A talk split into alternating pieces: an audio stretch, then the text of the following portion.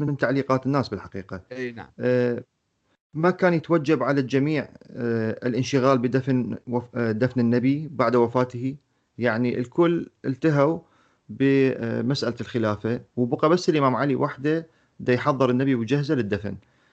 يعني ليش هالاستعجال هاي؟ وإذا كان فشي يعني يستوجب هاي العجلة ليش ما استدعوا الإمام علي؟ يعني هي مكة كلها أو المدينة كلها كانت يعني صغيرة جدا. نعم. ليش هالاستعجال هذا؟ يا أخي و- العزيز أنا لا أريد أن أقول لك الصحابة كانوا ملائكة ولا كانوا شياطين. هذا الظروف اللي هم ارتؤوها هذيك الأيام مسألة الحكم والإمارة مالتهم استعجلوا فيها وما كان عندهم صورة واضحة ولا نص واضح ولا نظام معين ولا دستور معين واضح حتى شو يسوون. فحتى لا يصير فلتة لا يصير فوضى لا استعجلوا للبت بمسألة الإمارة. وبعدين إجوا ودفنوا النبي بعدين مو كلهم راحوا وانتهوا.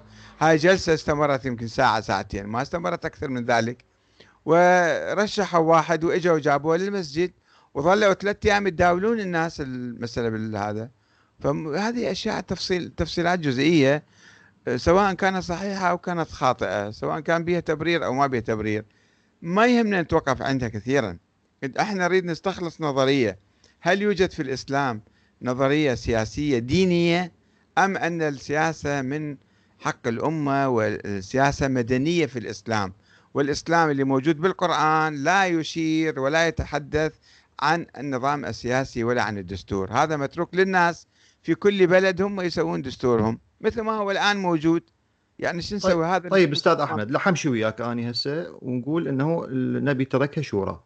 نعم. خلي آه نمشي بهالخط هذا. زين هاي من جمع الناس في آه منطقة غدير خم بعد حجة الوداع. هاي ما وطبعا جمع الناس وخطب بيهم وقال لهم من كنت مولاه فهذا علي مولاه. آه هاي ما تعتبر فد إشارة من من الرسول حتى يتخذون علي قائد من بعد الرسول عندما يلتئمون للشورى اللي أنت تقول. كثيرة إشارات كثيرة حول فضل يعني- الإمام علي. يعني هل من المعقول أن يجمع الناس كلهم ويقول لهم علي حبيبي؟ يعني لا هو مو جمع الناس كلهم هو كان يمشي بالطريق راجع من مكة اللي إجوا من اليمن راحوا واللي إجوا من عمان راحوا واللي إجوا من كذا بحرين راحوا بطريقهم. هو كان يمشي مع الناس رايحين للمدينة 200 كيلو عن. عن مكة هاي غدير خم يصير فصارت القصة والحادثة والشكوى والمشكلة اللي صارت بين علي وبين بعض الصحابة حول السبي وحول ال- الغنائم اللي كانوا مصرفين فيها. وإجوا اشتكوا واجا واحد قام يتكلم على الإمام فالنبي قال من كنت مولاه فهذا علي مولاه. ما في لا الإمام علي فهم أنه هذا تنصيب إلى بالخلافة ولا الأنصار ولا المهاجرين ولا أهل البيت كانوا يفهمون أنه هذا نص على الإمامة. يعني هذه قصة مهما إحنا أولناها وجبناها وسويناها هي افترض قضية شخصية حول الإمام علي. يعني الإمام علي راح بعدين. ماذا بعد الإمام علي؟ الآن شوف إحنا عندنا مرجعية. أنت سألتني في البداية عن إحنا- إحنا هسه بحث المرجعية تاريخي. امتداد مو هي كلها تجي منا. المرجعية الآن مسوين نفسهم عندهم غطاء ديني ومرجع ديني يسموه. مرجع ديني يعني هو يمثل آه، حكم الله في الأرض ويفتي باسم الله فتاوى شرعية. بينما هو إنسان عادي هو إنسان مو معصوم. إنسان قد يكون عنده هوى إنسان عنده ضال إنسان فاسق فاجر. الله أعلم بداخله. نحن لا نعرف داخله هو ليس بمعصوم. فهذا يتكلم باسم الله وأحكام دينية ويجب عليك أن تطيعه واللي إذا أنت ما طعته كل أعمالك باطلة. هاي نظرية هي امتداد لنظرية الإمامة التي وصلت إلى طريق مسدود وانتهت وانقرضت.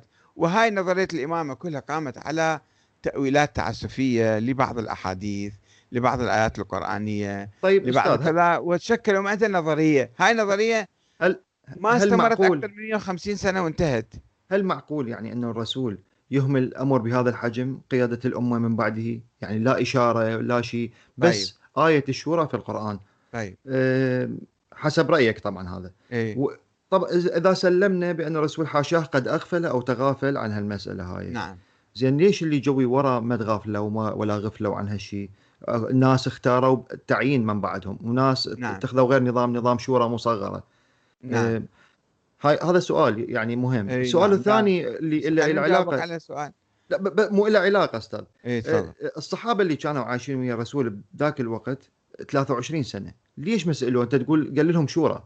ليش إيه. ما سالوه 23 سنة؟ يا رسول الله شلون بالضبط؟ يعني تنقل لنا قصة يعني آه، عن حديث بينهم وبين الرسول من سألوه عن الشورى تفاصيلها أحكامها أمورها.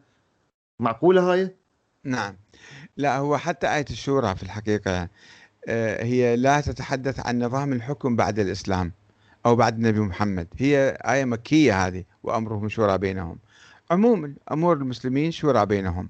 آه، أما المسلمين لماذا آه، أنت سألت سؤال أول لماذا مثلا أبو بكر أوصى إلى عمر وعمر أوصى إلى أي لا يعني يعني الرسول الرسول أغفل اغفل أو تغافل عن هالشيء هذا. أي. بس اللي بعده سووا لهم أنظمة مثلا أما عينوا آه نعم. شخص بالاسم أو سووا أي شورى مصغرة. نعم نعم. الفارق الكبير بين المسألتين. أولا الذين جاءوا بعد النبي هم بشر ناس عاديين مو أنبياء ولا عندهم صفات دينية. هم ناس عاديين سواء أصابوا أم أخطأوا. ما كان في دستور واضح مفصل من يحكم ومن لا يحكم. حتى بالسقيفة عندما اجتمعوا بالسقيفة بين المهاجرين والأنصار تناقشوا آه، المهاجرون قالوا نحن الأمراء وأنتم الوزراء. هذا مو في شيء يعني دائم ولا في شيء مستند على آية قرآنية أو على حديث نبوي. هم اتفقوا بيناتهم يا خلينا نتقاسم إحنا نصير أمراء وأنتم تصيروا وزراء إنا شايف شلون؟ فبعدين إذا واحد أخطأ أو واحد مثلا وصى أو كيف أو ما استشار المهاجرين هذا يعود إلى هذا خطأ شخصي يصير. ما يقدر نعتبره مسألة دينية. أما النبي لو كان معين واحد وقايل هذا هو إمام معين من قبل الله من طرفي أنا دا عينه زين هذا صار إمام ديني. يعني صار مثل النبي. صار مثل وبعدين بعد الإمام علي لازم تستمر الإمامة مو تنقطع وتخلص. يعني الإمامة فقط في فترة الإمام علي إحنا نريدها أو نريدها إلى اليوم. اليوم منو عندنا اللي النبي قايل هذا إمامكم؟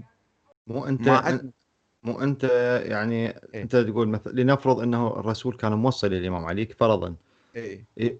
والضوج من نقول لك إنه موجود. أكو روايات وأحاديث تذكر إيه، الأئمة الاثني عشر. تنزعج. مو لا لا مو مسألة عاطفية يا أخي العزيز. لا مو عاطفية مو عاطفية بس إيه ولا يعني... أضوج لو ما أضوج مسألة أنه ثابتة لو مو ثابتة؟ نعم. ب... آه... طيب لا تعترف بهاي الروايات. الإمام نعم. هو نفسه موجود الإمام هو يعين من بعده. هاي ال... وكل إمام وهكذا السلسلة إلى أن انتهينا إلى ما... الإمام الحادي عشر. بالتاريخ الشيعي ما موجود هذا الشيء. الإمام علي لم يعين الحسن. الحسن لم يعين الحسين الحسين لم يعين علي بن الحسين ولذلك الشيعة دائما يروحون منا ومنا ما كانوا يعرفون القائمة المسلسلة والدقيقة. وحتى أحيانا كان يصير خربطة. مثلا الإمام الصادق الإمام باكر لم يعين الصادق الصادق لم يعين موسى الكاظم الكاظم لم يعين الرضا وهكذا. وكل لو تقرأ التاريخ الشيعي بدقة من مصادر الشيعة؟ لا تجد أثرا لنظرية النص. لذلك هم يقولون المتكلمين الشيعة المنظرين يعني يقولون إحنا نقول الإمامة تقوم بالنص أو إذا ما عندنا نص وكثيرا ما عندنا نص تقوم بالوصية. وإذا وصية ما موجودة حتى تقوم بالمعجزة. ولذلك هم يعتمدون على المعاجز. يعني مثلا إمامة الباكر إمامة زين العابدين. الشيعة يعترفون بالكافي وبغير الكافي. يقولون الحسين لم يوصل إلى علي بن الحسين. في روايتين من الباكر والصادق أن الإمام الحسين لم يوصل إلى علي بن الحسين. لما به؟ كان يموت مريض جدا آه، مريض. ف آه، ف عفوا.